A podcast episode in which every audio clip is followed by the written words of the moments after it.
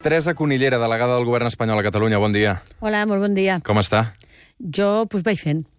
Va... Vaig fent tirant a bé, eh? Ah. Tirant a bé. No, no, que no s'espanti ningú. Però tirant a bé. aquest, aquest és el seu cap de setmana, no? Festa de la Rosa. Sí, bueno, jo cada cap de setmana per, aprofito per gaudir-lo una mica, perquè durant la setmana no tinc ni un minut, saps? Mm -hmm. Aquest diumenge ho farà amb amics, per això. I els altres també. Ah. Jo tinc més amics del que sembla, eh? Vull dir, jo crec que inclús gent que, que pugui fer veure que no ho és, en el fons també és amic meu, eh? Mm -hmm. Ara sentíem eh, aquest apassionat discurs de, de Miquel Iceta, segur que el recordava. Mm -hmm. Pedro Aguanta, Líbranos de Rajoy del PP, eh, sobretot també aquest Queremos una Espanya capaz de dialogar, capaz de hacer reformas, capaz de entender a Catalunya.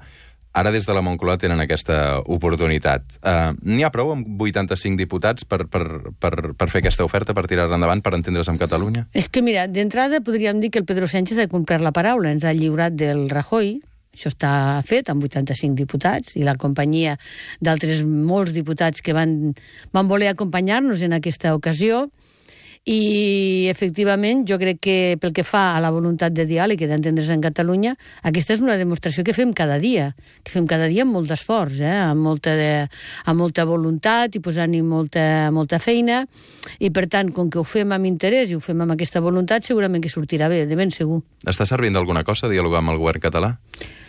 Clar que serveix d'alguna cosa. D'entrada serveix de, en l'àmbit general, perquè jo crec que l'àmbit eh, general, l'ambient, l'atmosfera que hi ha en aquest moment a Catalunya, entre els ciutadans i ciutadanes de Catalunya, és molt més tranquil. Jo crec que hi ha una expectativa en positiu a l'hora de que els dos governs s'entenguin, de que això sigui en benefici d'una convivència millor entre tots nosaltres, de hi hagi respecte, hi hagi tolerància. A mi em dóna la impressió, i així m'arriba, eh, de, moltes, de molts ciutadans que jo parlo, és una percepció molt clara i, per tant, alhora també és una responsabilitat molt gran. Fins ara el que hem vist, però, és que més enllà d'intercanvis de llibres, de ratafies o de fruita eh, de la seva terra... És molt millor la fruita, eh? És molt millor la fruita i molt més sana. Ara que no sent ningú que, és, que, que fabrica ratafia... És molt més sana. Um, aleshores, clar, fins ara sí que hem vist aquests intercanvis, però acords clars... Uh, Carai. Home, de fet, a la primera comissió bilateral, eh, en aquest cas el govern català va sortir, i va sortir molt decebut. Bueno, jo crec que va, va fer una declaració de, de decepció però el que no, es, que no es correspon amb la realitat. Fins i tot van dir perquè... que vostès hi havien anat, que el govern espanyol hi havia anat poc preparat. Bé, això és una declaració que s'hauria de demostrar, no? Perquè realment... És dir, jo, si ara ho digués a d'ells, què passaria? Qui m'ho contradiria? Jo puc dir que no anaven preparats. I faltaria la veritat, perquè vull suposar que ells anaven, com a mínim, igual de preparats que nosaltres. Això vol dir que van nosaltres som un... No, no, jo ah. dic que nosaltres som una gent molt sèria, i quan fem una cosa la fem en sèrio, uh -huh. perquè si no podem anar preparats no hi haguéssim anat. Nosaltres vam portar allí, de fet, si nosaltres no haguéssim anat preparats, i miri, que jo he de defensar d'això, es fa hasta com una mica de, de peresa, eh? Doncs... Si nosaltres no haguéssim anat preparats, no haguéssim pogut de, avançar en la constitució de totes les comissions mixtes que en aquest moment ja estan treballant. Ja estan treballant sobre temes concrets. Si nosaltres no haguéssim anat preparats, no s'hagués retirat ja, com s'ha retirat al cap de molts pocs dies, un recurs d'inconstitucionalitat en un tema tan important com és la universalització de la sanitat. No s'hagués pogut avançar en els temes de econòmics, que la setmana vinent ja saben que el govern de la Generalitat participarà en la discussió mixta. No s'hagués avançat en tantes i tantes coses. Per exemple, hem fet una junta de seguretat que ningú podrà dir que no hagi estat productiva. Per tant, jo no qualificaré mai la preparació del que està a l'altre costat de la taula. I si ells ho volen fer, pues jo crec que fan molt poc honor a l'ambient que hi va haver dins i als resultats que després n'han sortit. Eh? Quan es produirà aquesta segona trobada? Hi ha Quina segona trobada? De la Comissió Bilateral. Això normalment hauríem d'estar com a mínim uns sis mesos, uh -huh. i per tant, quan s'hagi de fer es farà, ara tocarà fer-la a Madrid, la farem a Madrid i ja està. Quina és l'oferta actualment del PSOE per Catalunya, del govern espanyol? Mira, d'entrada, nosaltres som una gent que oferim una cosa que fins ara no, era, no estava sobre la taula i no era habitual, que és un ambient diferent a l'hora de pactar, de negociar, de dialogar, de trobar és més, sense imposicions, que és una cosa també ben important, no? que jo crec que també el ciutadà percep d'una manera clara i valora molt positivament. Nosaltres li hem dit al, al govern de la Generalitat posa unes, unes demandes que ell sap que no contempla la Constitució i que, per tant, són impossibles d'encabir en un àmbit constitucional com és l'espanyol o com és l'àmbit general constitucional, no? I nosaltres oferim una reforma de la Constitució, li oferim un aprofundiment de l'autogovern de Catalunya, li oferim coses que també, d'entrada, el govern de la Generalitat diu que no. Però jo crec que en general ells saben que aquest és el camí. Nosaltres proposem que quan s'hagi de votar alguna a Catalunya sigui un acord, no una confrontació. Com, com es reforma la Constitució amb el PP i Ciutadans eh, tibant per l'altra banda? Pues treballant-hi molt treballant-hi molt, posant cadascú de nosaltres les nostres propostes sobre la taula i qui en tingui una de millor que la posi, la podem debatre. Uh -huh. Miri, a mi quan me diuen que això és impossible, sempre dic sí que ho serà, si no ens hi posem. Uh -huh. És a dir, si no ens posem a treballar, serà impossible avançar. I per tant, miri, si fa quatre mesos li haguessin dit a vostè que hagués hagut una moció de censura, que s'hagués guanyat, que amb 84 diputats hi hauria un govern que ha tret traurà a Franco del Valle de los Caídos, que ha tirat endavant una, una posada en vigor del pacte contra la violència de gènere que donarà més diners als ajuntaments. Eh que no s'ho hagués cregut? No m'ho hagués cregut. Doncs pues vale, ja ho té. Mm. Um, I per què s'ha fet? Perquè ens hi van posar. Vostè recorda Pere Navarro, fa uns anys el PSC demanava el dret a decidir, el defensava, de fet el, programa, el, el, el mm. portava el programa electoral. Com es va del dret a decidir a donar suport a un 155? Perquè el 155 és un article de la Constitució que s'activa quan un govern quebrante la llei. El 155 és un article més de la Constitució que entre que s'active quan hi ha un govern que quebrante la llei. Se li fa un requeriment, no l'atén, i per tant s'activa un, un article 155. Un article 155 que va tenir les conseqüències cadascú, abans parlàvem de com cadascú valora una reunió, doncs imagini's les conseqüències del 155. Jo crec que això no correspon ni, o, o no, no respon a la voluntat ni a les ganes, respon un efecte de quebrantament de la llei. I, per tant, tant de bo mai més se quebranti la llei i mai més calgui aplicar un 155. Per tant, vostè el descarta ara mateix, malgrat que... Si no es quebrante la llei, clar que el descarto. Ara, si es quebrante, tot està obert. I què pensa que farà el govern català? Espero que no quebranti la llei. Li han promès, això? Miri, jo, d'entrada, les promeses sé que es poden, inclús les promeses se trenquen, eh?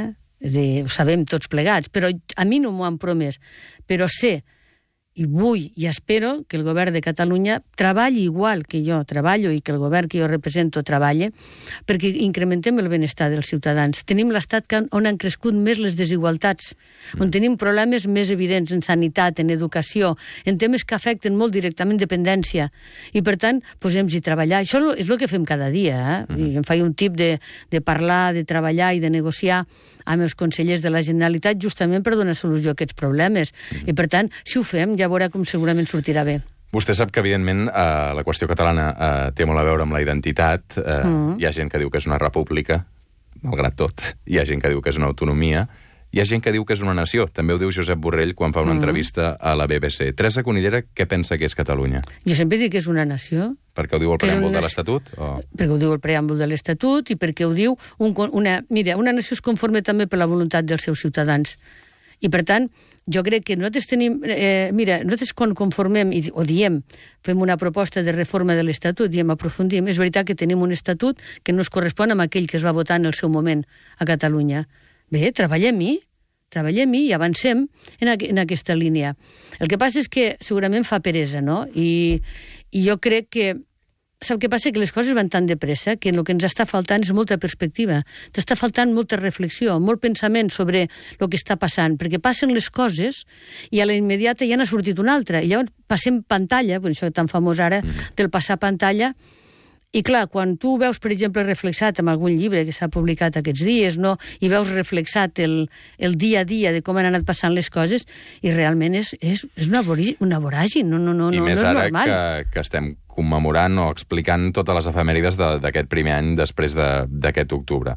Um, Teresa Conillera, parlàvem de Josep Borrell. Ahir des de Nova York, eh, en aquest cas, aquesta setmana, deia que poden caldre 20 anys per recosir... No, això, va, això va dir el senyor Puigdemont. Espera, espera un moment. Primer Josep Borrell, l'escoltem. Ah, vale. I ara aquesta divisió s'ha d'eliminar. És optimista? Trigarem molt, trigarem moltíssim. Si tenim èxit, podem trigar uns 20 anys. Aquest és Josep Borrell dient que el conflicte eh, va per llarg 20 anys, tant, sigui, omplir, no, omplirem jo... moltes estones de ràdio, eh? Mira, tu que tens perspectiva de 20 anys sí, a la ràdio, jo sí, no la tinc, eh? Per tant... Sí, però també m'agradaria parlar d'altres coses de tant en tant, eh? Pues vinga, home, posem-hi. Ens hi posem, posem ens hi posem. No, sí, sí. m'agradaria a mi, eh? Si jo sí que això d'algo és de que no parlem d'altres coses que els ciutadans els afecten molt directament. Uh mhm. -huh. Mira, eh, és dir, nosaltres hem arribat a un desencontre. A mi parlar de conflicte em costa, perquè a més sóc una persona que, el, que no m'agrada el conflicte, és més, crec que he demostrat en pocs dies que jo el que vull és treballar per l'acord, no pel conflicte. I em donen ocasió, eh? O sigui, m'ho posen, posen bé en escenaris molt favorables per buscar confrontació i conflicte, no ho faré. No ho faré perquè crec que ja en tenim prou, no? Com més profund sigui aquest desencontre, com més profund sigui, més difícil serà que ens retrobem jo no sabria posar-ho en 20, 30 anys, però jo crec que això té origen amb el que va dir el president Puigdemont des de Brussel·les, que va dir eh, veig difícil tornar, crec recordar, abans de 20 o 30 anys, i suposo que les xifres corresponen amb això. Uh mhm. -huh. Per un dia que estan d'acord... Per un dia que estan d'acord, celebrem-ho. Uh, vostè considera que, que Oriol Junqueras, que Joaquim Forn, que Carme Forcaell, Dolors Bassa, el Jordi Rull, Turull Romer van d'estar ara mateix a la presó? És que no ho decideixo jo. És que jo no ho decideixo, ho decideix un jutge. I, per tant, com que jo sí que coincideixo amb el president Torra, amb la seva declaració de fa uns dies, no?, que va dir que reclamava la independència del Poder Judicial, jo estic d'acord. Estic d'acord. I com que estic d'acord en reclamar la independència del Poder Judicial, jo puc tenir l'opinió personal que pugui tenir però jo tinc que tenir, tinc que tenir, a més ho tinc conscientment i voluntàriament, respecte absolut per la separació de poders, respecte absolut per l'acció de la justícia, perquè si no tenim una justícia independent, serà molt difícil que pugui treballar amb, diguem, amb tots els criteris que ha de treballar. Per tant, respecte a la independència judicial i, en fi, ja es veurà, i es veurà mm. què passa. A, a vegades costa parlar d'independència judicial quan eh, veiem precisament com aquesta setmana eh, hi ha jutges que escriuen en xats eh, que els independentistes són colpistes o directament nazis, eh, n'està el cas d'això. Això no ho ha posat en cap auto, no? Això ho posen en un xat privat, en un xat, no? En un xat, sí. Uh -huh. No ho dic perquè si ho posessin en un auto tindria una consideració diferent en un xat privat, eh? Què va pensar vostè quan va llegir aquesta notícia? A mi, a, a mi no em va agradar la veritat. Trobo un llenguatge, trobo un llenguatge que, però que en lo privat, i a més no sé l'àmbit ni sé... Després sí que vaig sentir alguna explicació d'algun jutge o alguna uh -huh. jutgessa, crec que aquí mateix a Catalunya Ràdio, la, sí. eh, que la Montse com es va explicar una mica com era aquest xat, i segurament pues, és desafortunat, però jo crec que és, un, és l'àmbit de lo privat, eh? desafortunat. Eh? Uh -huh. uh, posen en qüestió el procés judicial? Jo crec que no, si no tenen una relació directa, però en tot cas, igual que reclamo la independència, ells tenen els seus organismes que tenen la, la capacitat disciplinària, sancionadora en el seu cas, per a avaluar això. No em correspon a mi. Uh -huh. uh, Teresa Conillera seria partidària de concedir indults? Però és que per concedir un indult hi ha d'haver una sentència ferma i hi ha d'haver una petició també igual de ferma del, del que accepta la sentència. Però això ho veurem d'aquí uns mesos. Bé, si, si, si es demana l'indult, jo sóc partidària, clar. Mm -hmm. Però l'han de demanar, eh? I creu que la Fiscalia farà algun gest de rebaixa de les penes abans d'arribar al judici? És que no tinc per què saber-ho. No dir la... Jo pregunto, vostè. No, no, no tinc, però jo li dic. Sí, sí, sí, jo sí. li dic. Eh, és que no, tinc, no ho sé no tinc per què saber-ho, és dir, la Fiscalia té els elements sobre la taula per prendre les decisions que autònomament, autònomament està és més, li diria, està obligada a prendre, no? Mm -hmm. I nosaltres tenim l'obligació de no influir sobre aquelles decisions que ha de prendre la Fiscalia. Però el govern espanyol sí que decideix qui és la nova uh, fiscal general I, de l'Estat. I què vol dir això? Però això no vol dir que no s'hagi de respectar la seva independència. Miri, en aquesta mateixa casa em van parlar d'això. Es va dir, escolta, si aquesta fiscal fa 48 hores era una fiscal estupenda, treballadora, independent, amb criteri, amb 48 hores no es pot haver trastornat, eh? Deu continuar sent bastant similar a lo que era fa dos dies. Mm -hmm. Per tant, donem-li aquest marge perquè treballi. Mm -hmm. um, recta final d'aquesta conversa amb Teresa Conillera, perquè hem promès 15 minuts i seran 15 minuts. Uh, tornem, en aquest cas, al, al Congrés. Vostè és la delegada del govern espanyol. Uh, Pedro Sánchez ha posat damunt la taula aquesta reforma express de la Constitució per, per eliminar alguns aforaments. Això tirarà endavant?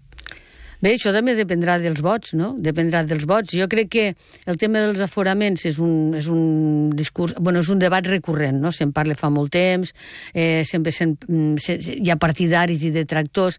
Jo crec que l'aforament és una garantia més que un privilegi. És una garantia que té aquell que té un càrrec públic de no estar sotmès a les veleïtats de qualsevol que pugui presentar una querella, perquè és tan fàcil presentar una querella i fins que se substancia, miri vostè el que passa i com va tot, no? Però és un debat que està, que està, i és veritat, s'ha aprovat una moció l'altre dia també de, de Ciudadanos en la que demanaven una cosa, en fi, semblant, no? I per tant, és un debat a tenir. A mi m'agradaria que el debat es tingués i es tingués des d'una manera racional, desapassionada, intensa però desapassionada, per, perquè també quedés clar al ciutadà de què parlem quan parlem d'aforaments, perquè em dóna la impressió que qualsevol ciutadà o ciutadana que ens estigui escoltant pensarà que és un privilegi. I jo crec que és, almenys la concepció de l'aforament és una concepció de protecció de la tasca que un parlamentari ha de fer, no? Que l'ha de fer un parlamentari. Pensa que això, de més, no afectaria, per exemple, els parlamentaris autonòmics que ho tenen per una altra via. Uh -huh. Per tant, estaria, eh, en fi, s'haurà de discutir. Jo crec que és un debat interessant. Uh -huh. uh, de fet, a vegades, uh, clar, que estem parlant d'una reforma express, l'independentisme precisament es queixa que per algunes coses la Constitució es canvia molt ràpid i per d'altres que potser per ells voldrien, doncs costa molt més. Bueno, però, miri, és dir, quan un planteja una reforma sobre un tema i té els vots necessaris, ho fa. -huh. I, per tant, el mm, que s'ha de fer és tenir la majoria suficient. I vostè sap que, a més, que hi ha determinades coses que no caben en la Constitució. No hi caben. -huh. I, per tant, bueno, es pot fer un brindis al sol, o es pot aprofitar qualsevol ocasió per a posar, vengo a hablar de mi libro, no? Però, bueno, en aquest moment el plantejament que hi ha és el que hi ha. S'està uh -huh. fet, hi ha una proposta de parlar d'aforaments. Diguem a quin membre del govern català li regalaria una rosa. Jo a tots, a tots. Ro Sí. Roses per tothom. Sí, per què no? Vostès... I, bueno, I que ells me la regalin a mi, que faria un ram, així, no? A vostè si fa mig any li haguessin dit que seria delegada del govern espanyol, tampoc s'ho hagués cregut, no? Que va, que va. No, no, a més jo estava molt bé, estava encantada de la vida amb la meva nova vida, diguem, la meva nova vida de jubilada. I, I tal, se li ha però girat feina, ara. Una mica sí, Mm -hmm. una mica sí. Teresa Conillera, moltes gràcies per acompanyar-nos aquest matí al suplement. Moltes gràcies a vosaltres.